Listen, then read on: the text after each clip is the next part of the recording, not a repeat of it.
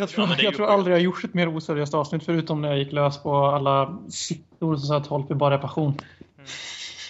Ja, men jag tycker vi har en... Eh, men det var väl ändå en del liksom halvallvarliga grejer vi pratade om. du försöker leta fram, skrapa på ytan. Hi, this is Ledley King and you're listening to the Ledley Kings Need podcast. Släng upp en hand om du känner vad som sägs. Nu en podcast coming your way. Så ge mig femman mannen och bara tryck på play. Hallå där, du lyssnar på den enda och således också den bästa podcasten om Tottenham Hotspur, nämligen Ledley Kings knä. Robin heter jag och när man tror att man har slut på superlativ så har jag den underbara äran att presentera Robert Folin. Hallå, hallå! Marcus Håkman. Tack så mycket. Och även Alexander Berg Messi. Eller Brandao Messi har vi kommit överens om att det är. Tack, tack. Liverpool, jag tycker vi gör så här, vi, stry, vi, vi snackar över det här ganska fort, för det var inte så jävla roligt det här. Det är nästan roligt att prata om Brandao egentligen, än Liverpool-matchen måste jag säga. Men... Va, vad tror ni Brandao gör nu? Jag sitter bredvid Håkman. ja, jag tänkte säga något jätteelakt om Brandao, men nu gör jag ju inte den här såra kopplingen. Jag tror han sitter och har det trevligt någonstans, Brandao.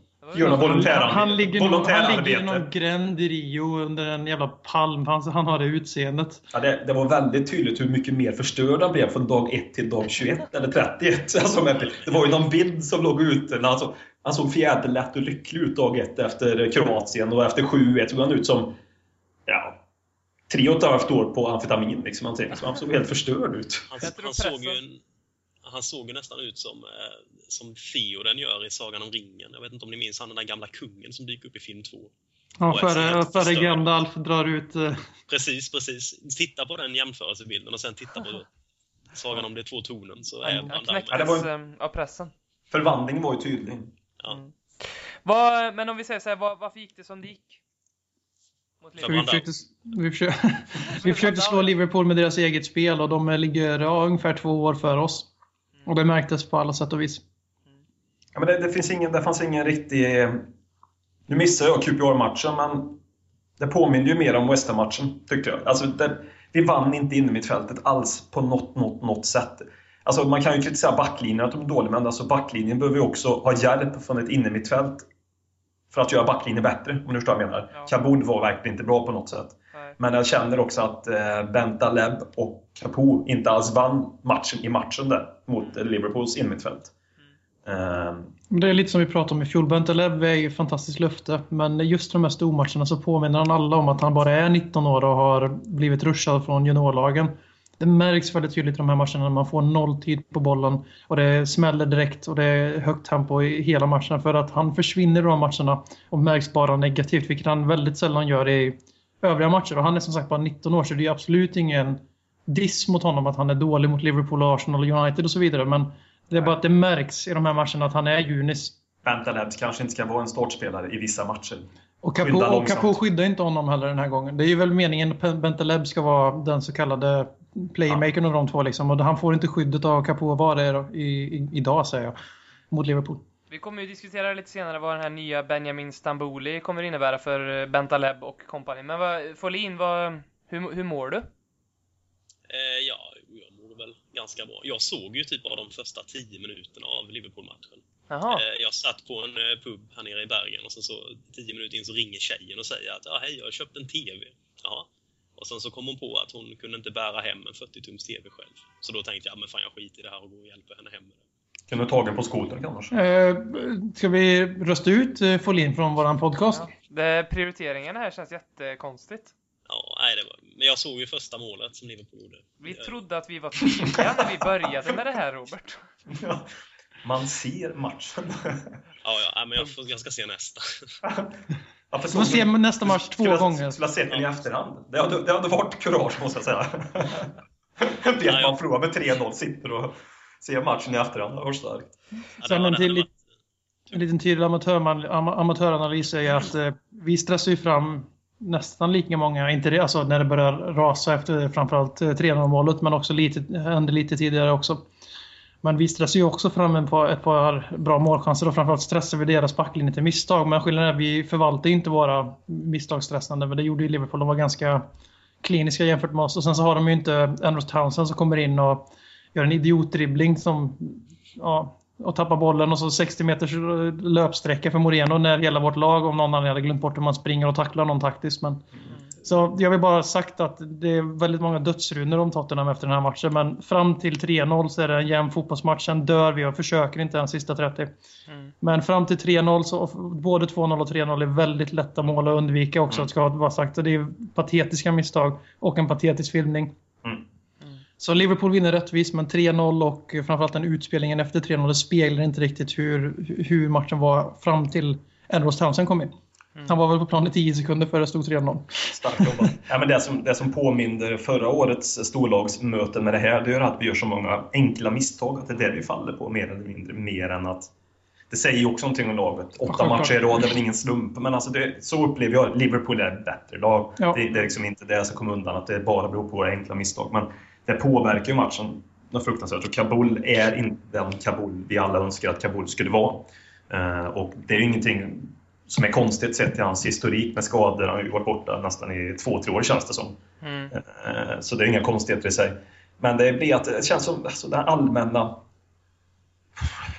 det är så jävla lätt att skrika vi saknar en ledare och allt det där. Men alltså, det är ganska tydligt efter 3-0. Det är väldigt jag... tydligt efter 3-0. För ja. att, vi sa det på, när vi satt på pitcher. Jämför när Liverpool hamnade underläge 3-0 mot City veckan innan. De fortsatte köra hela vägen in. Liksom. Var nära 3-2, 3-3 till och med om, man, om de hade varit, väldigt, om de varit effektiva. Men eh, när vi släpper in 3-0 och det är, vad är det, 30 minuter kvar ungefär. Vi försöker inte ens. Det är bara Lamela, han är den enda jävla spelaren på hela planen så i vitt som försöker. Mm. Inte ens Loris var, gick att känna igen liksom. Och eh, som sagt, Lamela hade en pissdålig fotbollsmatch. 1 och 5 var vad han faktiskt fick uträttat. Men det är när Erik Lamela som är den tilltänkta fixstjärnan är den enda som försöker sista 30 på hemmaplan. I, alltså för varenda jävla stormatch den här säsongen är en hederssak för oss efter fjolåret. Mm. Och mm. när det är han som drar det tåget, då blir jag jävligt orolig över våra ledaregenskaper. Mm. Men eh, vi har ju sålt alla de tre nu, så det, det är positivt. Ja, jag skulle... ja vad säger Folin? Ja, jag skulle precis säga det som VM sa. Vi har ju verkligen sålt av nästan alla karaktärer som vi har i laget. Det, det känns som att det är inte många kvar som verkligen man vill ju ha spelare som avskyr att förlora. Spelare ja, som liksom, skulle de, våra spelare som hatar att förlora. Liksom. Skulle, skulle de bli intervjuade efter matchen så kan de inte bete sig. Liksom, de är riktiga svin. De är riktigt de är otrevliga. Ja, men det är ju sådana man vill ha i laget. Mm. Alltså, jag känner alltså vilka fan finns det kvar? Anders Svensson i Elfsborg är ju en sån. Alltså, ja. för svensk referens. Forsberg. Peter Forsberg, precis. Han är ju Tottenham-supporter så vi kanske kan lösa någon grej där. Men, men... Nej men det är ganska, det är en intressant teori för om man, eh, säger gruppdynamik och då pratar man mycket om när, när det kommer in en ny ledare, så då brukar det oftast bli så i en grupp att alla andra informella ledare, de plattas till lite grann och tar inte så mycket in, initiativ, i alla fall i, i den första fasen, för att man vill känna lite på den nya ledaren. Det kan ju vara det vi är med om här med Pochettino, att han har gått in och varit väldigt tydlig och styrt med hela handen och sagt bla bla bla, så att man, man, man, man, man lutar lite på honom. Det kan vara så. Ja. Sen är jag, är jag, personligen rädd för när de här informella ledarna som jag såg då som såg framförallt, eh, jag såg kanske inte Sandro och den typen, men Sandro såg jag mer som en, som en rolig karaktär och, att, ha ett lag som också är viktigt att ha ett lag. Man får ju inte glömma att de spenderar mycket tid ihop. Och han, som det känns som var han den typ som lättar upp mycket stämning mm. i laget. Det kanske någon annan kan lösa, jag har ingen aning. Det är säkert inte tillknäppt och tyst. Jag tror inte Lamela är den typen direkt. Capo ryktas ju om att ska vara en ganska liten spjuver. Ja, men det är ju härligt att höra. Ehm, men det, det jag är rädd för är att det finns det, det föds liksom ledare i laget oavsett för att de kanske vill vara ledare och de ledarna sätter i nivå som de andra lite grann apar efter utan egentligen vilja göra. Man följer med gruppen och, och jag är rädd för att Adebayor är en av dem där. Ja. Min, min hetsjakt mot Adebayor fortsätter. Men, alltså, men det känns lite så. Adebayor vill ju vara lite boss och lite chef. Och, eh, Bra, kanske menar inte... du att, du att du har bevis för det? Varför han går till tränaren och säger att din taktik är kass och sen är det inte tränaren listan så går han och säger det inför hela omklädningsrummet. Ja. Och så också såg lagkaptenen Michael Dawson är ungefär samma stuk. Typ. Ja, om du anser det... att det är bevis nog så. Ja, men det, det, det är lite äh, rädd för att han har blivit lite en äh, omklädningsrumskapten. Sabotör. Ja. Mm. Det kan ju bli så, men det, det jag tänkt reflektera lite över att vi gjorde oss av med Holtby Sandro framförallt nu, som är de här social medieexperterna. Och då kanske man får den lite bilden av att ja men det här är bara folk som håller på och fjantar sig. Det kan ju finnas de som håller på och fjantar sig ännu mer än ja. de som inte taggar på Instagram så fort de håller på på. Och mer respekt till dem egentligen. Ja, de är inte lika mycket bekräftelse-junkies. Jag kan ju bara gå till Som vi är i den här podden. Ja. Det pikar ju med att jag snapchattar och tar bilder på när jag är på gymmet jämt. Liksom. Ja. Um, en spelare som jag har tänkt lite på, alltså ett tag som kanske, som jag tror är en sån spelare som verkligen avskyr att förlora och som avskyr att när saker inte går hans väg, det är faktiskt Kyle Walker. Mm. Det han, alltså jag tycker han visar ändå lite tendenser till att kunna bli förbannad ibland på Han blir grinig när det går emot på planen. Ja, ja, det blir han. Det han visar åtminstone det. Och för frågan är ju hur, jag vet inte hur han agerar riktigt mot andra spelare, om han också kan liksom ge dem en rejäl utskällning om det behövs eller om han bara blir sur på sig själv. För det, det, det behöver inte nödvändigtvis vara ett bra tecken på ledarskap om man bara tjurar och blir grinig på sig själv. Men... Det känns inte som att han har det, den auktoriteten i gruppen att göra det. Han kommer nog göra det. det men någon... Nu har han ju det. Fan, en av de som varit här längre än en vecka. Det är ja. få förunnat dagens trupp. Men jag tror inte auktoriteten riktigt kommer med det. Jag, jag kan tänka mig att Vertongen är en sån kille som har auktoriteten att säger han ryter han ifrån då lyssnar folk liksom och tar han på allvar. Men däremot så han, han gör inte det liksom. Skulle Vertongen i en hypotetisk värld ryta ifrån, då skulle jag också haja till och ta på allvar, för då jävlar. Ja, faktiskt. um, ja, det, det, är inte som, det är inte som en annan som blir arg 17 gånger per dag. Mig tar ju ingen allvar på längre. Liksom. Vad är det där lilla äcklet? Vad står han och skriker om nu? Ja, precis. Nej, men avslutningsvis då. Eh, Jesper Edman frågar här om, om vårt eh, försvar kommer att palla och stå emot de killarna. De stora killarna, ska vi säga då, den här säsongen när man tittar på hur det såg ut mot Liverpool. Vad tror du Folin? Ja, men alltså det, det, man får väl bara anpassa sig lite efter de lagen ibland kan jag tycka. Det, det, det blir ju lite dumnaivt ibland om man alltid bara ska spela exakt samma spel hela tiden för att man ska vara ett, Eh, ett alltså låtsas vara ett topplag som kan dominera mot de stora och köra sitt spel. Jag menar om ett eh, om ett eh, bottenlag i Premier League kan grisa sig till en poäng ibland mot eh, mot eh, topplagen, då måste ju Tottenham med sina spelare också kunna anpassa sig efter det och liksom faller lite bara kanske. Kanske mm. stäng igen ytorna bara och prova det någon gång istället för att bara stå högt och köra samma gamla vanliga i varenda match. Ja, det, du är inne på det Linda, vi behöver lite mer här rednap på San Siro vi, framförallt när det, allting är nytt. Eh, Pochettino försöker som slags slå Rodgers i det han är bäst i Premier League på just nu. Högpressspel och snabbbolltransport och allt det där. Och vi är inte där riktigt än. Det är likadant under AVB och Sherwood i fjol att vi går aldrig fan, vi går fan aldrig ut och bara försöker grisa till oss en poäng. Vi har lite för hybris. Som får in inne på. Vi försöker vinna på vårt eget sätt och det är all heder åt det. Men vill vi ta de här poängen mot de här jävla skitlagen så måste vi ställa, måste vi backa hem lite och anpassa efter motståndet. För att eh, jag är helt övertygad om att vi kan slå alla de här lagen om vi bara anpassar lite. Sen kan vi definitivt slå dem Tottenham Way också. Men inte kanske tredje matchen i ligan med en helt ny tränare för åttonde gången på tre säsonger. Typ. Mm. Nej, men det, det som är lite oroar mig nu kommer det aldrig gå så dåligt, men det, det var den klassiska QPR-säsongen när de åkte ner. När de hade ett lag som lätt skulle kunna komma 9, 8-9 i Premier League i alla fall. Och samma sak skulle ju kunna hända med Tottenham, men vi kommer inte åka ur Premier League. Men att just inte det finns de här spelarna som är intresserade av att grisa längre för att slå en poäng, utan bara för att de vill bara vara med när det blåser varma vindar runt klubben och när allting flyter och när mm. det är ett självspelande piano. Då är det kul att spela liksom.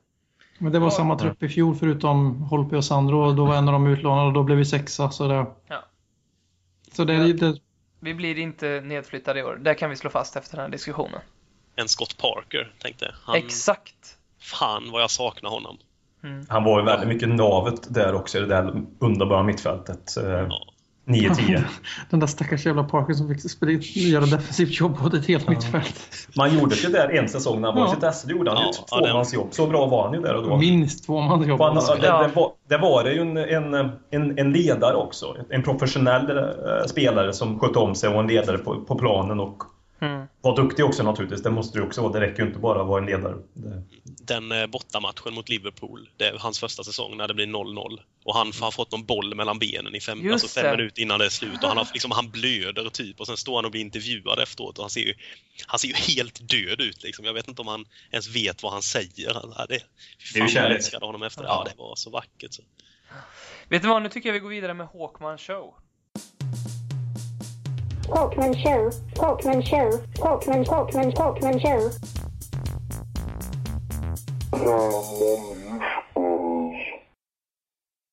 Ja, idag tänkte jag prata om åldersdiskriminering. För det var så jag kände när vi eh, ja, pratade om Michael Dawson och hans svagheter. Det berodde mycket på att han blev gammal.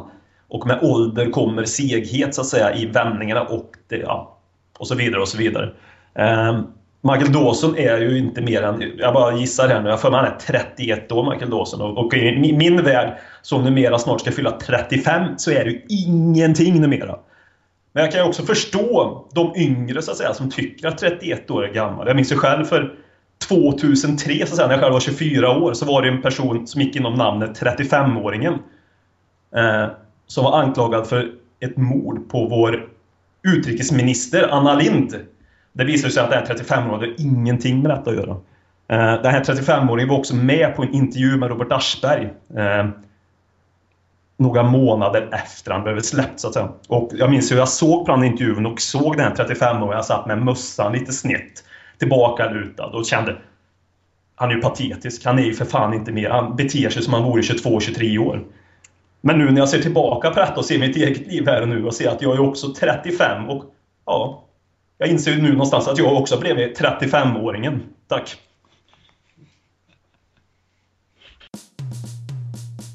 Talkman show, Talkman show, Talkman, Talkman, Talkman show.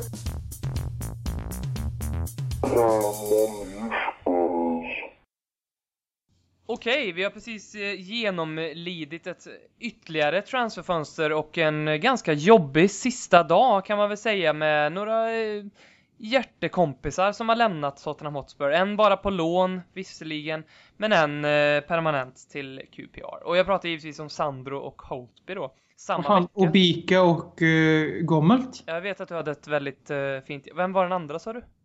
Tomislav Gommelt, eller vad fan man uttalar hans namn. första- Jag menar, han är grym. Han ska utlånas till Bari nu och bli superstjärna. Det är första gången jag hör hans namn. Ja. Och sen har vi ju Koulibaly med. Den Ja, nya det. Drogba för fan. Som Ja. har blivit såld. Nej, han, han gick väl på lån va, Koulibaly? Nej, han blev såld och den andra eh, som BM snackade Gommelt, eller Gommelt, eller Gommelt. Ja. Han, eh, Gumspel åkte bort. Vi gör så här, vi börjar med en av de största frågorna nu i modern tid som Tottenham-supporter. Vem är Benjamin Stamboli? Mittfältare, Montpellier. Eh, Kan även spela mittback. Eh, Landslagsmässig om man tror Jonas Hansson på Fotbollskanalen och det bör man göra. Som skriver om franska ligan. Ja, och eh, kostade väldigt lite pengar. Det finns några rykten om summor, jag har inte sett. 4 miljoner. Alltså det är nästan mer eller mindre bekräftat för att han har bara, ja, för att han har, bara- hade bara ett år kvar på kontraktet. Ja, det är fint. Eh, relativt stor. Eh, ser ut som någon konstig hybrid av, eh, vad var det du sa Folin? Eh, Neymar och någon som är med i Tokyo Hotel var det det är Så varken Sandro eller Holpe ser ut som Neymar i Tokyo Hotel och, eh, Paolo Ferreira är lik också. Och landslagsmässig. Jag tycker han är lik Robert Perez också tyvärr. Just ja, bra jämförelse. Men tyvärr. Utsättningssätt. Ja. Mm. Han, eh, jag läste ju rätt mycket om han och hittade väl lite så här, hans styrkor verkar ju faktiskt vara att han är en liten Scott Parker-kille faktiskt. En riktigt kämpa, slitvarg, enkla korta passningar, bra brytningar, brytningssäker, bra komplement till Capo säger de, men jag, som jag ser det så är Capo och Stamboli ganska lika i spelsättet med att Stamboli spelar väldigt mycket med hjärta då. Han har bra långskott också, det kan bli bra. Han är ju, han är ju, han har, har ju fin potential att bli en pu- publikfavorit alltså. Jag upplever inte som att... Jag har ju också bara läst på om eh, vår nya, vårt nyförvärv här, men jag upplever han som att vara mer en Tom Huddleston-spelare fast med ett... Eh, ja, vad ska säga, lite mer Scott Parker-aktigt aggressivitetsspel också där kan gå in Ja. och shotta. Det En låter ju som en perfekt spelare. Anton Huddleston som inte är riktigt lika glad i ketchupen kanske. Nej. Vågar Tom. bör tilläggas här då att Capo när han kom, eller Capao, när han kom från Toulouse så var han ju faktiskt en av franska ligans bästa sittande playmakers som slog mest avgörande passningar och gjorde en hel del assist och Say what? slog mycket. Så det är ju, det är ju han kan, har ju också det spelet i sig så det skulle bli två väldigt sittande och väldigt spelande sittande mittfältare framförallt. Mm. Med varken Sandro eller Holtby eller Parker och bredvid Capo då. Och, och det är tänkbart alltså att han, det är han och Capo som är första val där nu eller? Jag hade inte gjort det så, för jag tycker att varken, varken Sandro Holp eller Parker är ganska lika på i spelstilen. Men det är min amatörtolkning. Vi har inte sett så mycket av honom utan av medvetet. Jag har sett Montpellier ett par gånger men jag har inte liksom medvetet sagt den där jäveln på mittfältet som ser ut som Neymar i Tokyo Hotel. Han, han ska, ju, ska jag spana på nu liksom. Utan det har ju varit för att de har mött PSG eller något liknande. Mm. För det är de enda matcherna som man kan se här i Sverige. Men eh, ja, jag tror att det är... Eh, ja, det blir nog han och Capo. Men jag hade spelat eh, han eller Capo och ja, Palinho eller Bentaleb då. Mm. Istället för Louis Hope. Ständigt Anna Bentaleb. Som nu två av fyra poddmedlemmar har på ryggen. Mm. Mycket vackert. Eh, Federico Fazio då? Vad, vad har vi på honom, Folin? Eh, jag har inte alls mycket på honom. Den enda jag vet är att det inte är Michael Dawson. Och eh, att han är lång som fan. Och att han slog är... Diego Costa i njurarna i, och kom undan med det. Ja, älskar han redan när jag såg det. När jag det... såg det så kände jag, det här kan bli min grabb. Sen såg jag en video, och nu är målbrottet, så såg jag en video med honom eh, inför Supercupfinalen när han stod och pushade på spelarna innan de skulle gå ut och börja spela matchen på, i Cardiff där. Mm. Och jävlar vad taggad han såg ut. Alltså det var, um, han pushade på dem rejält. Jag kände, äh, det kan mm. bli kärlek. Vi kan ju ta liksom och bara runda av lite snabbt. Äh, inte runda av all hela diskussionen, men vi kan ju köra en kul Hur många av våra sex nyförvärv hade ni koll på före? Om vi, om vi skiter i de här två Premier League-spelarna så det är fyra kvar. Hur många av de fyra hade man liksom hört talas om före sommaren 2014? Ja, alltså Stamboli är första gången jag hört. Det var den enda av dem som jag aldrig hört talas om förut faktiskt. Jag, samma, jag hade aldrig hört varken Holpe eller Sandros namn tidigare. Och eh, varken, inte Michael Dawson hade jag sett en del i Sevilla utan att lägga märke till men för han är jävligt stor men jag brukar inte studera mittbackar så mycket när jag ser på fotboll. Va, vad, vad säger du? Michael Dawson? Inte Michael Dawson. Inte Michael Dawson, okej. Okay, ja. Han tappat det där beslut. Ja. Du menar Fazio? Fazio var en sån här typ... Inte Michael Dawson eh, är ju ja, Sevillas lagkapten efter Rakitic. Ja. Och, eh, Just det. Jag läste en läste en väldigt bra eh, rapport om honom för Skåka tror jag. Eh, där de eh, skrev att om han inte la ner så jävla mycket tid på att berätta för alla andra hur de skulle göra så skulle han vara en fruktansvärt bra mittback. Fasio. Inte Michael Dawson tänker mycket Dawson. åt sina lagkamrater tydligen. Men eh, bredvid Fertongen som ju är känd för att aldrig tappa koncentrationen och aldrig behöva någon som skäller åt honom kanske, och säga det kan, kommer bli succé det Men det kanske är en sån vi ska ha, en gris. Det tror jag Det är ju faktiskt. lite roligt att vi precis har suttit och efterfrågat två saker. En som blir sur på sina lagkamrater. Och där har vi Fazio. Och sen en riktig Scott Parker-typ som Estambuli. Mm. Fast det är du som säger att han är lik honom. Ja, det var ju lite... Okej, okay, det var Håkman. Då var det rätt. Ja, då har det helt plötsligt jämnat. Kanonliknelse där Håkman. Tack snälla, tack snälla. Ja, det gjorde du fan bra. Um, alltså, det är, väl, det är väl något som kan krävas för, um, för jag menar inte Michael Dawson har ju ganska så stora skor att fylla. Uh, och även då varken Sandro eller Holtby ska ju också komma in och ersätta två ganska populära figurer. Så det krävs ju kanske just att de är ett, två riktiga karaktärer som kom in. Jag har ju aldrig hört talas om, om människorna innan och jag är inte alls imponerad av något av dem än. Jag tänker vägra vara det ett tag tills de har verkligen bevisat att de förtjänar att bli omtyckta. Men det är väl det som man kan hoppas på att de är. En riktig jävla gris som går och sådär smånyper folk i pungen där innan hörnerna och... Det är vad vi behöver. Det är ja. Mm.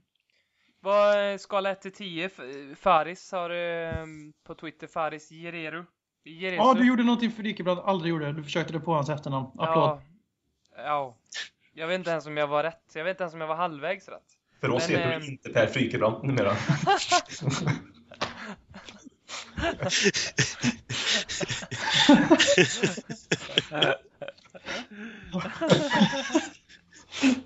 Okej, okay, du, du, inte Per Frykebrant, you were saying?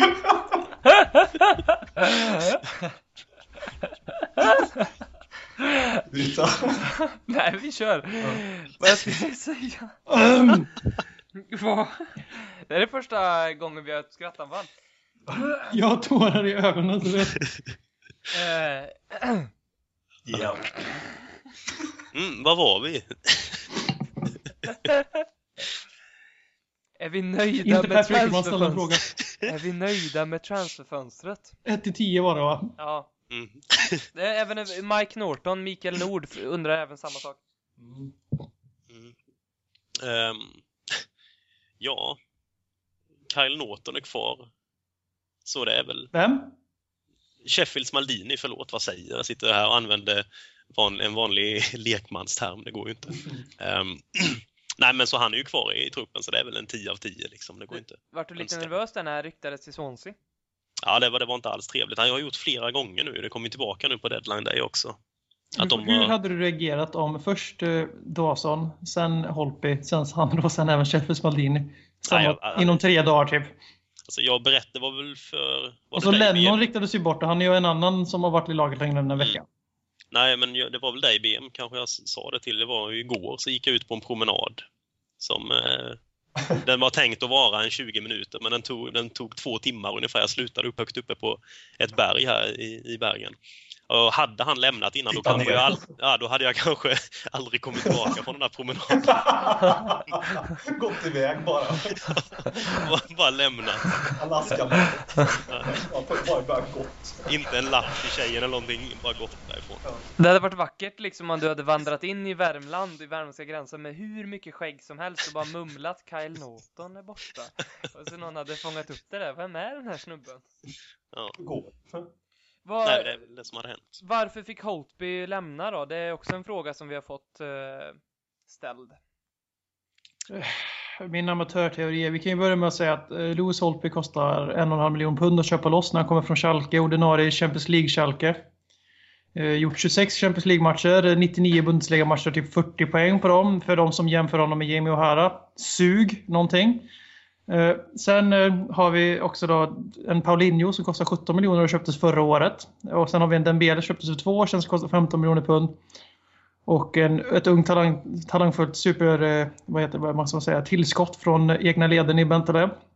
Och sen eh, två förstörare varav en försvann.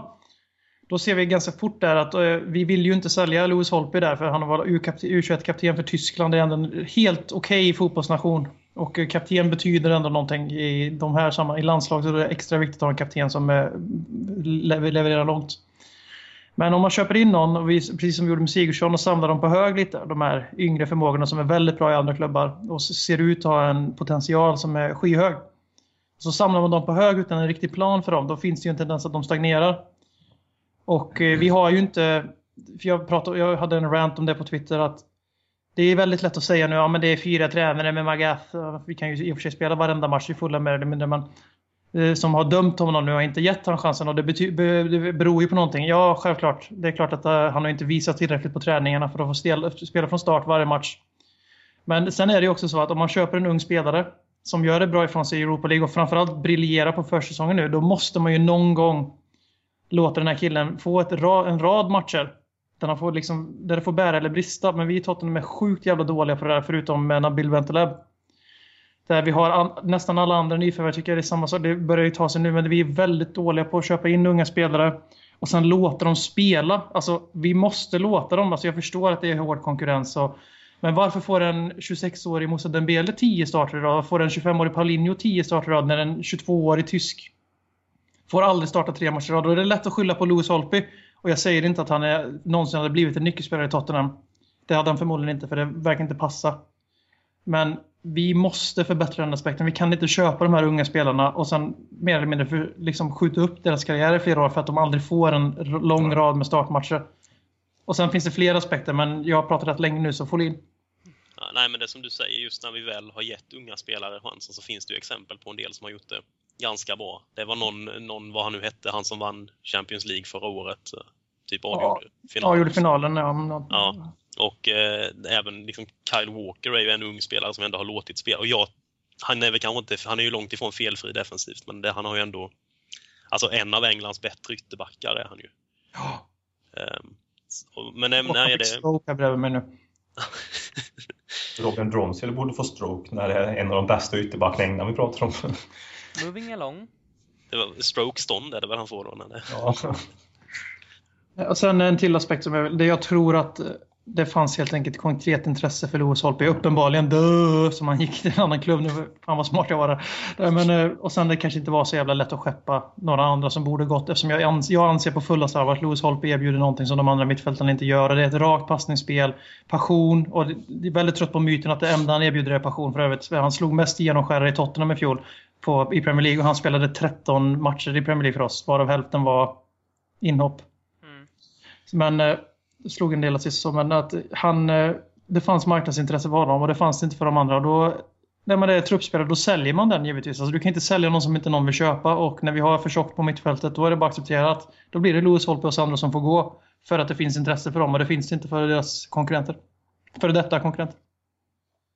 Finns det någon eh, sanning i det här? Jag var lite orolig när jag läste det här att eh, det var någon som sa men det, det här har varit från Livi från dag ett att han eh, får tag i en tysk, hypad tysk för en och en halv miljon, vill bara så snabbt som det bara går kunna casha in på han. Absolut. Som en investering bara. Och det, har det kommit dit så är det jävligt jobbigt att inse att, att, vi, att vi i Tottenham ja, då kommer man ju börja se på framtida nyförvärv att aha, är det här en ny investering eller är det någon som man ska ta till hjärtat liksom? Alltså när vi köpte... Det andra Jedlin säger jag. Ja, exakt. Ja, när vi köpte. Toda, japanen också, för Ja, just tio år sedan. Menar, Komalo, som för övrigt är med, inte blev, försvann igår på Transfer Deadline Day, så han är ju given i mittbacksparet om ett par veckor. ja, men det finns väl några där som jag tycker vi gjort innan också. Ehm, Chris Gunter är väl en sån som vi plockade, ung walesisk ytterback. ja, som vart är han nu förresten? Var han i Cardiff? Nottingham Forest tror jag han är. Är det där han är nu? Okej. Ja, han var, kom från Cardiff till oss. Mm. Nej men vänta lite nu, var inte han som gick utomlands? Till... Eh, jätteotippat till La Liga? Okej. Mikael Richards har gått till Fiorentina på tal om otippat. Men, ja. Eller är det bara nu för att jag, han har gjort det på FM? Ja, det är din save eller vadå? Han, han spelar i Reading. Ja. Nästan. Reading, okej. Men det ja. var nästan en. En bit ifrån London söderut, nästan inte. Så, ja. Jag vill, också, jag vill bara fylla i en sak om gårdagens eh, ganska tråkiga transfer deadline ur Tottenham-perspektiv i alla fall. Eh, alltså det inte hände så mycket. Om man nu tycker att det är bedömning på vad som är roligt och tråkigt. För mig är det i alla fall det. Att Aaron Lennon fick stanna. Eh, och det säger jag inte bara för att förbättra på min relation med Apex Triplex, utan det, det tycker jag att det var bra att han fick Ja, stanna. För väldigt. inte bara, alltså inte, inte för att jag är Lennon en ledartyp och kommer- han kommer aldrig bli en ledartyp även om han spelar 15 år i klubben. Men han tillför någonting i Tottenham som bara Andrew Townsend har, förutom Aaron Lennon. Det är snabbhet. Och då kan man ju tycka Aaron Lennon att han inte har eh, poängmängden som man borde ha. Håller med om det till fullo. Men på något sätt tycker jag ändå när vi har klickat så har Aaron Lennon klickat och då klickar Tottenham bättre. Det är någonting han tillför i spelet som får vårt spel att se som bäst ut när Lennon är som bäst. Mm. Här och nu när vi inte har Bale och Modric och de här grabbarna. Mm. Så jag är jätte, jätteglad att Lennon är kvar. Jag vill ju ha från start också. Jag håller med. Och just Lennon är ju en som, det vi pratade om innan när vi möter topplag kanske, en som kan göra skitjobbet där också och verkligen göra det. Samtidigt hotar. Ja, Eftersom han är så jävla snabb. Ja, perfekt spelare att spela Ja. mot de lagen. Tror han kan vara ganska nöjd också med det, att veta att jag spelar inte varje match, men att han är så hemma i Tottenham nu. Att För han är tackade ju nej till, alltså det var ju intressenter för honom igår. Det var Stoke och QPR ryktades som. Han, uppenbarligen så tackade han ju nej då, för han är ju kvar. Hur underbart var det att se den här tweeten? Det var något, ett Spurs-fan som skrev till uh, Jermaine Defoe. Bara, "Vad- ska du lämna nu och, och, och hoppas du inte går till Arsenal? Och han skrev typ så här.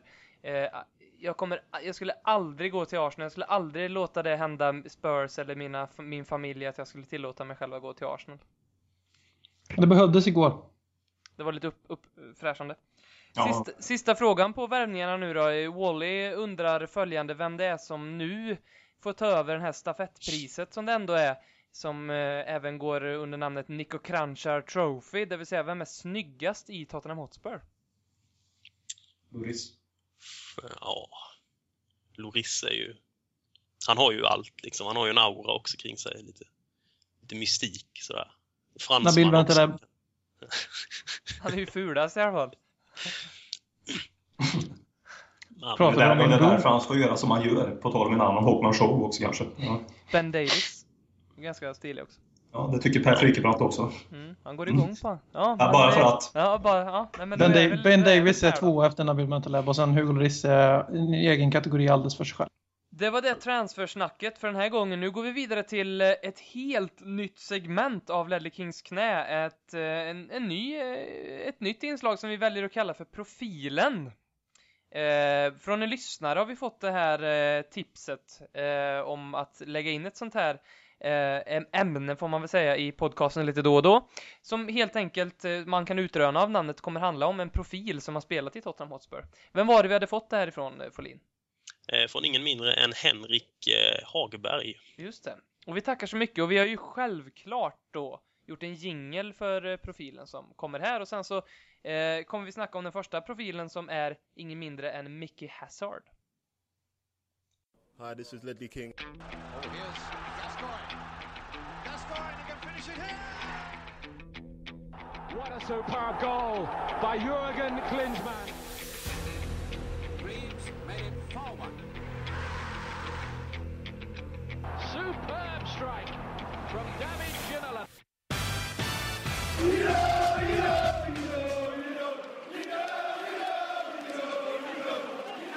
Yes, Mickey, Mickey Hazard är den första profilen vi väljer att diskutera lite grann för att minnas spelare som eh, förtjänar att minnas helt enkelt. Eh, minnas är ju roligt att jag sitter och säger, jag var ju första gången han spelade i Tottenham så var inte ens jag född. Så att, eh, men han hade ju faktiskt två sessioner i Tottenham. Det, Håkman är ju den enda bland oss 35-åringen som eh, eh, levde jag minns ju andra sessionen faktiskt. Den, ja. Eh, den minns jag. I 94... jag. Jag vet inte varför jag säger det med stolthet. Det, liksom, borde vara ledsen över att jag minns den. Men, men den minns jag. Nej, men jag. Jag tycker du ska vara stolt att du har kvar ditt minne. För det börjar ju sinas här eh, lite på ålderns höst. Så att, eh, det tycker jag ska mm. vara glad över. Micke Hazard, kom ja. ju, han kom ju till Tottenham som 16-åring. Lite rolig anekdot då. Han, var ju, han är från Sandland från början. Eh, och hade så jävla hemlängtan när han eh, som 16-åring eh, fick börja spela för Tottenham. Blev till, för, för övrigt eh, hälsad till klubben eh, av ingen mindre än Bill Nicholson som satt på sitt kontor och, och bedömde honom eh, från topp till tå. Och eh, så, så, spelade han för Tottenham och bodde i London och hade så jävla mycket hemlängtan så att han sa, han började rymma till Sunderland eh, utan att säga någonting. Så då fick de till slut börja sätta upp möten med hans familj och bara vad är det som händer här. Så Tottenham kom, då hade vi uppenbarligen inte Daniel Levy som eh, ordförande eftersom att ordföranden i Tottenham då kom fram till att äh, men, vi kan göra så här att du får, va, vi, vi, vi, betalar, vi ger dig pengar så att du kan åka hem var tionde dag så att du liksom inte behöver känna dig lika, ja, eh, har lika mycket hemlängtan helt enkelt. Eh, sagt och gjort så han fick de här pengarna. Sen så när han började liksom settle in i London och började sig bekväm, då började han supa för de här pengarna istället. Och det var ganska mycket pengar han fick då. Så han gick ut på, och klubbade eh, och eh, träffade en tränare på en klubb en kväll som bara gick rakt fram till honom och sa bara Håller du på att supa upp de här pengarna du får i bidrag nu för att du ska egentligen åka hem till Sandland? Eh, och sen så var det slut med det då. Så det säger ju ganska mycket om profilen Micke Hazard också. Han är en ganska skön typ. Det säger mycket om Micke Hazard och, och hur fotbollen var förr ja. i England. Alltså, det säger jag ju med, med, med saknad också, vill jag bara säga. Mm. Mm. Han har ju ställt upp en del gånger i vår rivaliserande podd eh, The Fighting Cock som tydligen också finns och det pratar på något annat låtsasspråk. Mm. Uh, det är alltså världens andra, näst största podcast om Tottenham Hotspur, The Fighting Cock, som uh, har intervjuat honom ett par gånger och som minns så visst så, så, så, så vad fan säger man?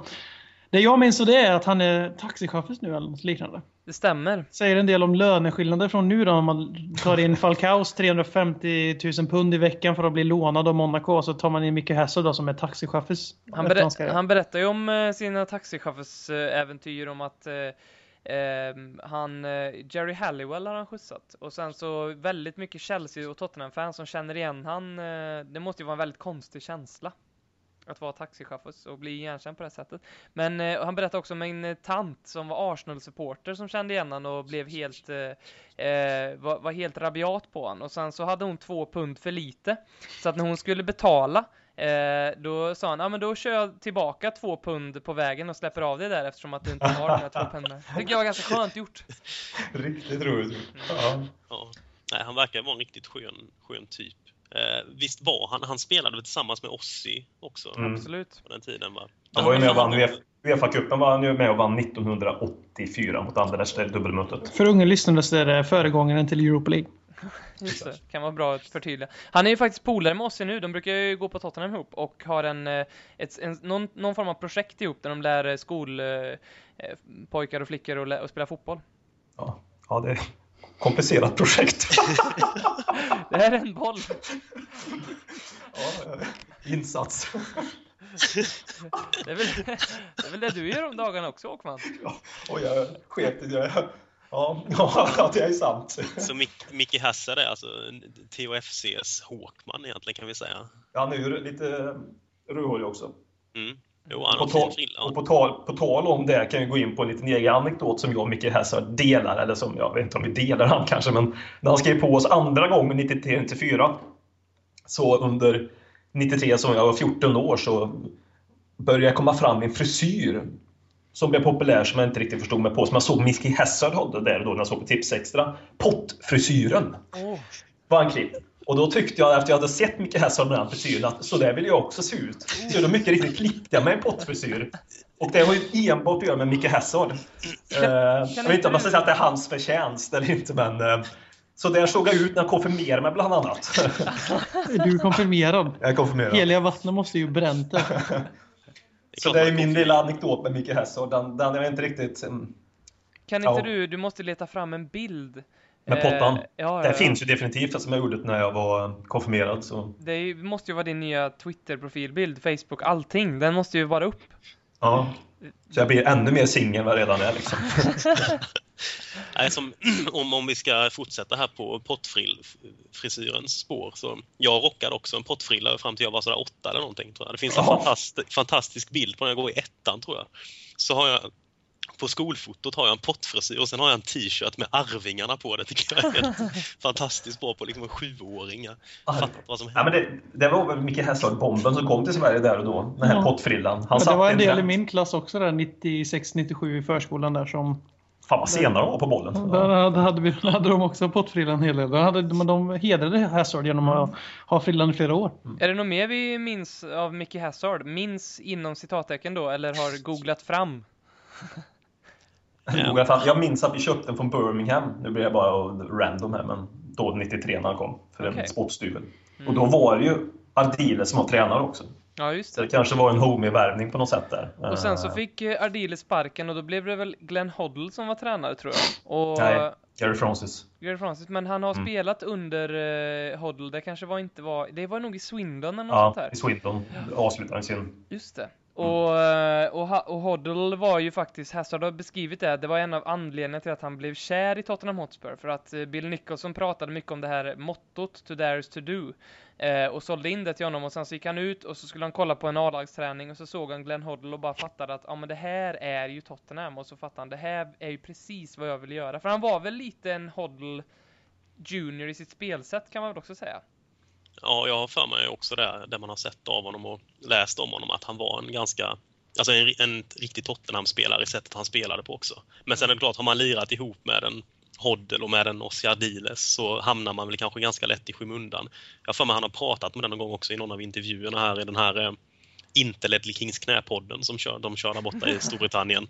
Att eh, han just kände det ibland att fan jag kunde ju också spela fotboll.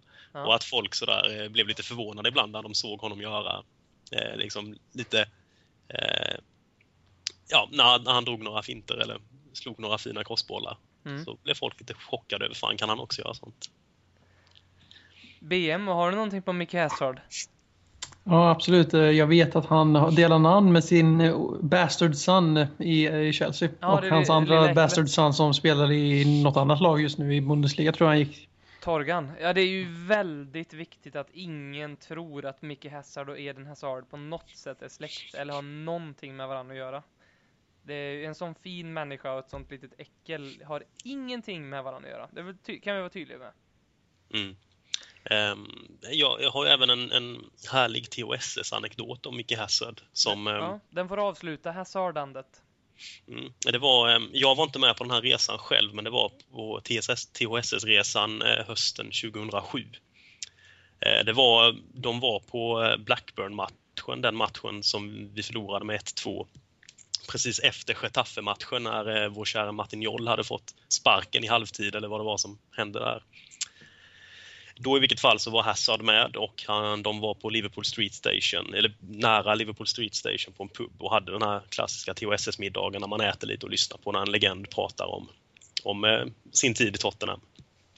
Och så sitter man däckad i en stol som Robin Ransfield. Precis. eh, vi, vi, vi Nej, inte, på. inte Per Frykebrand. Eh, och i vilket fall, då hade han haft sin, eh, liksom, han hade svarat på frågor och sen efteråt var det lite mingel och Hazard han stannade kvar liksom, och hängde med, med eh, THSS. Eh, och eh, då var det Rickard Redin, en eh, THSS-are som kanske några av er känner. Jag tror Håkman kallade honom för eh, kängururunkare i någon gång. Eh, jag, jag, tror det var för att han hade skrivit någonting där han skämtade om att han inte hade lyssnat på det för att jag hade gått med i podden och då svarade Håkman med övla kängururunkan. Typ. Skitsamma. Om vi han var där. Eh. Han lyssnar ju inte så det är ingen fara. Ja. Nej, nej, precis. Han, han, är, han, bor i Australien, är det därför det är med kängurun eller något jag ja. missat med? Ja, okay. Nej, det är, det är nog på grund av det. Annars har Håkman eh, info som inte jag har. Ingen zoofili alltså. och i vilket fall här då under minglet så så visste Rickard att eh, en annan THSS-are som heter Micke Thor som bor i Eskilstuna eh, han, eh, han hade Hazard som favoritspelare, verkligen liksom, det var hans, om man säger jag har Gassa verkligen som min stora hjälte i Spurs och det var liksom Hazard var det för Micke. Men Micke hade inte kunnat åka med på den här resan och eh, då under minglet så gick Rickard fram och började prata med Hazard och sa att eh, jag hade verkligen önskat att Micke kunde varit med här idag och få träffa dig. Det hade nog varit eh, väldigt häftigt för honom och berättade då att Micke han hade liksom Hazard som användarnamn på TOSS gamla forum och allt det där. Eh, så frågade Rickard sådär, alltså du eh, eh, Micke, du skulle inte kunna tänka dig att ringa Micke och bara hälsa på honom? Eh, och Hazard sa bara, jo men visst, eh, har du hans nummer eller? Så eh, Rickard gav väl sin telefon till Hazard och Hazard gick iväg i 10-15 minuter och pratade med Micke Thor. Eh, och sen så efteråt då så fixade Rickard en lapp till eh, Micke där Hazard skrev liksom en hälsning till honom sådär. Och då löd den något i stil med typ lycka till med allting. Eh, och om du kommer över på en match så eh, hör av dig så går vi på den ihop. Och då sa Rickard efteråt sådär att, ja men hur ska han få tag i dig? Då tog han tillbaka lappen och skrev ner sitt telefonnummer på den och gav tillbaka den. Världens bästa ragg. Ja, det var, det var ett bra Ska du ta tillbaka ditt, ditt smeknamn på Rickard Redin kanske? Ja, jag tycker inte så fokusera på det riktigt. Men, men... Beef. men nej, det var, det var väldigt fint. Ja, det, det just att göra det för i många fall på en del av de här middagarna, så en del har ju ganska bråttom därifrån. Eh, men just att gå undan i 10-15 ja, minuter för att prata i telefon med en eh, det är det finaste. Sina fan. Mm. Ja, det är helt... Det, ja, det är Vi kan ju avslöja här i podden att nästa TVS3 så kommer ju Gareth Bale, Luka Modric och Rafael van der Park vara gästerna vid den här middagen. Så mm. fan in och boka! Vi eh, tar och avslutar den här podcasten som har varit väldigt rolig att spela in med er med ett par Frågorna. Eh, lyssnarfrågor. Om du hade lyssnat klart på meningen så hade jag sagt att vi ska avsluta Frågorna. Frågorna. med ett par Förlåt. lyssnarfrågor. Forsberg har skrivit eh, på Twitter eh, han, heter Forsberg, han heter ju Forsberg efternamn, men Fors, signaturen Forsberg på Twitter. Är det för ego att köpa en matchtröja med sitt eget namn på ryggen? Nej, jag tycker väl man får göra vad man vill. Jag menar, som supporter har man väl lika mycket rätt att bära sitt namn på ryggen som någon av spelarna har liksom, eller att bära någon av deras tröjor. Så det, det tycker jag gott man kan, kan göra utan att skämmas allt för mycket. Då har den liberala delen av podden satt sitt. Vad säger du? Vad säger du? BM och Håkman. Vad säger du Håkman? Du hade ju väldigt mycket att säga om det här ämnet i fjol. Med namn på matchtröjor och sådana saker. Ja, jag vet inte vad jag ska säga. Nej, men alltså, det får man väl göra om man vill. Tycker jag. På riktigt alltså. Sen har jag personligen aldrig gjort det själv. Uh, men... Uh, ja. Han, det är inte för, han, jag tolkar det ju inte som att han är för ego om man gör det i alla fall, om man säger så. Nej. Men vad fan. Det var någon, du, det var någon, det var någon som skrev på Twitter eh, som att... Jag fick nog med skit. Det var någon som skrev på Twitter att, eh, vi, att det är väl supporterna som gör klubben och att de är större än spelarna på det sättet. Så att det, det, var, det, var, det var ett fint argument. Mm, mm. Jag själv tycker att om man inte har Nabil Bentaleb på ryggen så bör man inte köpa en matchtröja. Henrik Nilsson ställer frågan, eh, han eh, känner sig lite kluven att ut Spurs-spelare i sitt Fantasy Premier League-lag och betta på Tottenham och så vidare. Eh, vad, just det här med att betta på Tottenham och sådana grejer, spelar, på, spelar Tottenham på FM och sånt där, är det något som ni vågar göra? Om man vågar spela Tottenham på FM? Ja. Det är klart som fan, det går ju bättre för mig på FM än vad det gör för klubben i verkligheten. Ja. Nej, men betta har jag inga problem med på Tottenham. Inga problem alls. Däremot, då vill jag följdfråga, spela emot Tottenham. Det vet jag att det är en del som gör. Det, när vi möter jag, lag så kan... spelar de på det andra ja. laget. För då, ifall vi förlorar så får man lite pengar ut i alla fall. sen är det fyra matcher till som ska sitta mm. också. Men, uh, nej, men jag, kan, uh, jag kan gardera uppåt med ett kryss på Stryktipsen. Mm. vissa matcher. Du menar att du aldrig spelar på förlust? Jo, det kan jag nog göra.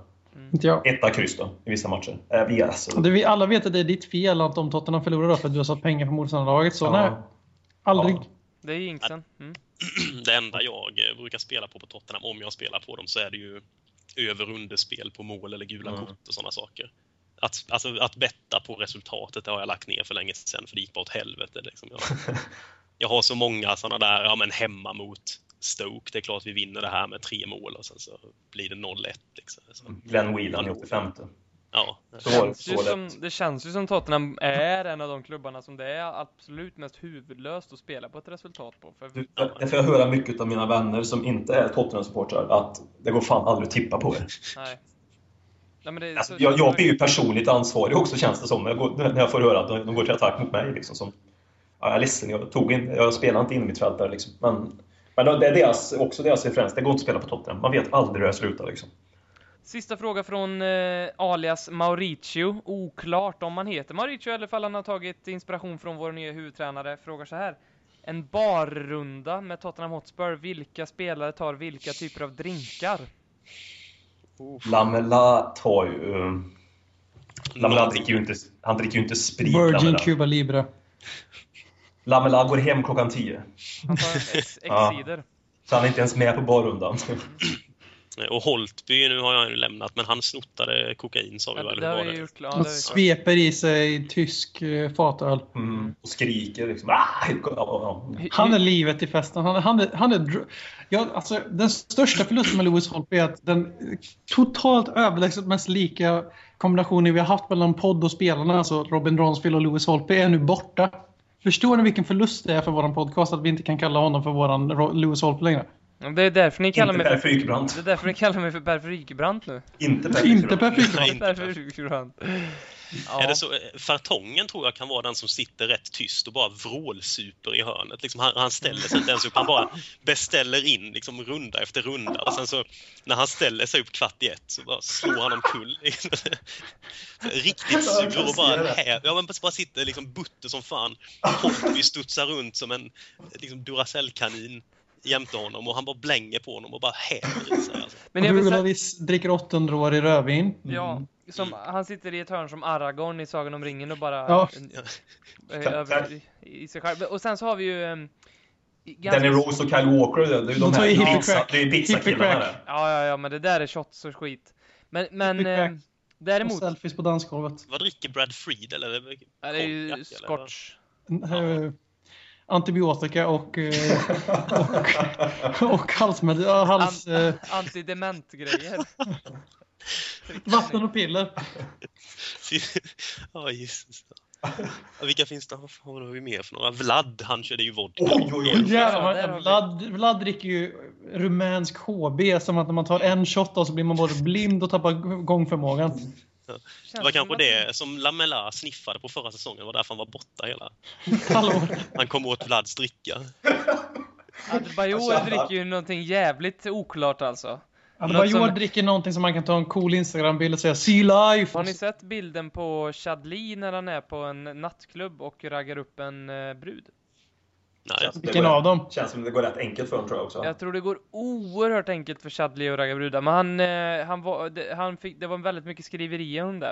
Eh, att han syntes på den här klubben ganska ofta. Och han är ju singel, bor i Tottenham, eller bor, bor i London, spelar i Tottenham, tjänar mycket pengar. Så det går nog ganska bra för honom tror jag. Ja, nej, men ja, klart han får hänga ute. Så länge inte han super så han får gå ut. Alltså, eller, Ja, det det är min det måste inställning. vara ett liv liksom. ja, han kan ju Han måste inte... gå ut och rasta sig lite liksom. Ja, alltså, Så länge han ger fan i våra eh, fruntimmer så... Slutligen, slutligen kan vi ju slå fast att Harry Kane lär väl vara champagne... Eh, Ja. det, där har man champagne-aura. Där, Backslick, champagne, vit eh, kostym eller vit kavaj och rosa skjorta liksom. Allt det där. Det, det är Harry Kane utan tvekan. Vad gör Nabil Bentaleb då? Han står i gränden och rånar någon av dem. på Håkman. Det är han som rånar Vlad när han kommer ut där, trillar ut. Han Om vi smyger in på i... Håkmans show där. Ja. Han Det smyger roligt att in jag får i... skit för att det kommer ut i andras munnar. Ja, Bentaleb smyger in i garderoben och plockar planböckerna. Och Vlad håller, håller utkik liksom. Han kollar så länge. Står, står och vilar med vodkan i handen. It's cool, it's cool, it's cool. Nabil gör den här som rappare gör eller i, i USA. Att eh, om du åker till någon annan rappares hemstad och blir rånad på en kedja. Mm. Så ringer du till den stadens största rappare så fixar han tillbaks din kedja. Det känns ju alltså jätte, inte alls uppgjort att man bara Du går och rånar den här jävla idioten som är i min bransch och så betalar han mig för att ge tillbaks kedjan så delar vi på pengarna. Det är vad Nabil Bentaleb gör. Han snor Vertongens plånbok. Låtsas säga till honom du jag kan fixa tillbaks den och så ger han den till honom på träningsanläggningen för dubbelt pris. Spikat. Väldigt bra fråga. Väldigt bra frågor. Fortsätt skicka in eh, via Twitter, via Facebook, eh, via Instagram finns vi också på. Eh, någon fråga jag kom på som Just det. vi har glömt bort att ta upp som kanske ändå kan vara relevant. För det är rätt mycket snack om det nu. Folk verkar vara lite, jag kommer inte ihåg vem det var som, som frågade detta, men någon ehm, eh, det, om det här. Är det bra att vi eh, är man nöjd med att vi, in, att vi går plus på våra transfers eller att vi inte liksom bara spenderar pengarna som typ United, typ Arsenal som går, alltså lägger ut mer än vad de får in på sina transfers. Vad tycker vi egentligen om det? Men Ar- Arsenal spenderar ju inte de, we don't buy superstars, we make them. De köper de köper ju inte spelare. Vad menar nej, du? säga. nej det var, jag förstår inte vad jag... Denna, denna oslipade diamant Mesut Özil som aldrig hade lyckats med någonting som de köpte in för, en, för kaffepengar och nu har förädlat. Den här okända eh, La Mazzia-produkten från Barcelona som 17-åring kommer över till Arsenal och åldras åtta år på en sommar och gör VM som 24, 5, 6, 7-åring. Mm. Ja, det, de är fantastiska Arsenal. Ja, men vad, vad säger vi då på den frågan? Om vi är nöjda med att eh, vi gör bra business, är det det du menar? Alltså. Jag är, jag är nöjd om det finns en anledning till varför vi gör bra business. Förutom att det är bra att alltså, bedriva en fotbollsförening på ett sunt och ett respektfullt sätt. Det är jag nöjd med i grunden. Men jag tror också att varför vi gör extra mycket nu beror väl delvis på att, eller till stor del på arenabygget antar jag. Och då känns det ju det ännu mer sunt och bra och eh, mer accepterat från min sida sett. Det är klart jag hade jättegärna sett någon mer eh, du kan ju, större spelare som har kommit in, alltså ett, ett, en dyrare spelare eh, med ett större marknadsvärde. Men Mm. Jag, jag, jag skiter i vilket. Jag tycker det är jävligt kul när vi köper stora namn. Och, så att jag är inte den här som tycker att jag får ingen ångest över att det är ett minusresultat i Tottenhams eh, plånbok. Liksom. inte jag Jag, jag bryr mig faktiskt inte ett pess om det. Jag, jag blir inte ens stolt när jag ser det här att ja, men vi har spenderat minst. Jag, jag, jag skiter faktiskt i det. Alltså, det- jag, jag blir stolt för att det är någonting man kan vara stolt över mer. Förstår du vad jag menar? Ja, ja. Att det är liksom fint att ja, men vi kan lyckas trots att vi inte Så spenderar. länge det, så länge Ja, det är sportsligt man- man justifierbart så... ja. Så, alltså, så länge vi kommer i Europa och så Everton är en annan klubb där de låg på 18 plats i netspel de senaste fem åren i den här listan. Man, man får vända till någonting positivt för sin egen skull. Mm. Liksom, skulle vi bli 12 så skulle det vara en helt annan sak för mig. Då skulle jag gnälla som fan för vi har pengar. Det är bara att vi sparar dem just nu som, som i den mån vi kan. Mm. Skulle vi däremot börja liksom rasa ner i tabellen som sagt då skulle jag inte vara särskilt nöjd med det överhuvudtaget. Men just nu när vi håller oss competitive, jag kommer inte ihåg, jag kan inte, kan inte svenska ordet. Så, så är, det, är det inga fel. Alltså det, så länge vi ändrar vår svansföring och slutar sparka tränare till höger och vänster för att vi inte kommer topp fyra när vi inte spenderar än som ett mittenlag gör så då är det lugnt för mig liksom. Mm. Nej, som, som smålänning som jag är så tycker jag det är jättebra att vi går plus. Liksom. För det är ju alltid bra att bunkra upp. Man vet aldrig vad som händer när det kommer en lång kall vinter. Och, Nej, Lite för lite plus kanske. ja, det är nästan sådär upp, alltså tvåsiffrigt borde det vara i de här miljonerna pund som de går plus på. Nu var ju bara 6,5 nu så Det var invänta köpklausulen på Holtby när Hamburg löser den så blir det Ja, just det. Sandro kan ju bli 10 också va? Ska man, ska man verkligen få gå med vinst med en sån välfärdsgrej som fotboll ändå är? Ska man verkligen det? Vet jag inte om jag tycker. Nej, det är fotbollsklubbar är väl nästan enda typen av företag i världen som får gå med vinst nu. Det var ju lite, vi kan avsluta det med eh, här, den här diskussionen eh, snabbt, men det var ju liten, det är ju ganska många som tror att en fotbollsklubb är ett ganska stort företag som omsätter rätt mycket pengar, som att Tottenham är, ja men det hör ju till en av de största. Då var det någon som gjort en liknelse att Real Madrid, om man tar företaget Real Madrid och, skulle, och sätter in det, då är det alltså det 122 största företaget i Finland. Om man skulle liksom sätta in dem där. Det, det, då, det betyder liksom det är ganska litet liksom. Men man tror ju gärna, eftersom att det, det syns överallt och hörs överallt så mycket, att det är ett ganska stort företag. Men det är ganska, en, en, ett litet företag egentligen, i jämförelse. Och kommer Real Madrid ett litet företag så är Tottenham non-existent. Ja, men tänk Tottenham då liksom. Vi är på 290 plats i Småland. Finland. Ja, precis. Då är Tottenham liksom... typ matöppet i Ursult. Liksom. Bosse, stil och plåt eh, omsätter mer liksom. Lite darrigt, men så är det. Men då så vill vi tacka Sandro. Vi vill tacka Sandro. Vi eh, dedikerar ju självklart det här avsnittet till Sandro. Eh, ser fram emot nya... Jag kommer nog... Kommer ni titta på hans YouTube-klipp som han lägger upp? Allt chanteri QPR med samma... Med samma glädje. Inte samma glädje, men kommer ni titta på det? Jag tittade han är avföljd redan. Han var i, jag tittade inte ens på det när han var i Tottenham. Jag tyckte det jävla gitarrspelandet han började med, det var för mycket liksom när jag såg ett klipp. Okay. Det passar inte honom på något sätt. Nej, det är Humdingers. Det är bra. Det är, ett, det är ett bra budskap att avsluta med att det är klubben vi, vi älskar, eller hur? Så avfölj nu Holtby, Sandro. Skit i dem. Vi hatar dem nu. De är äckel.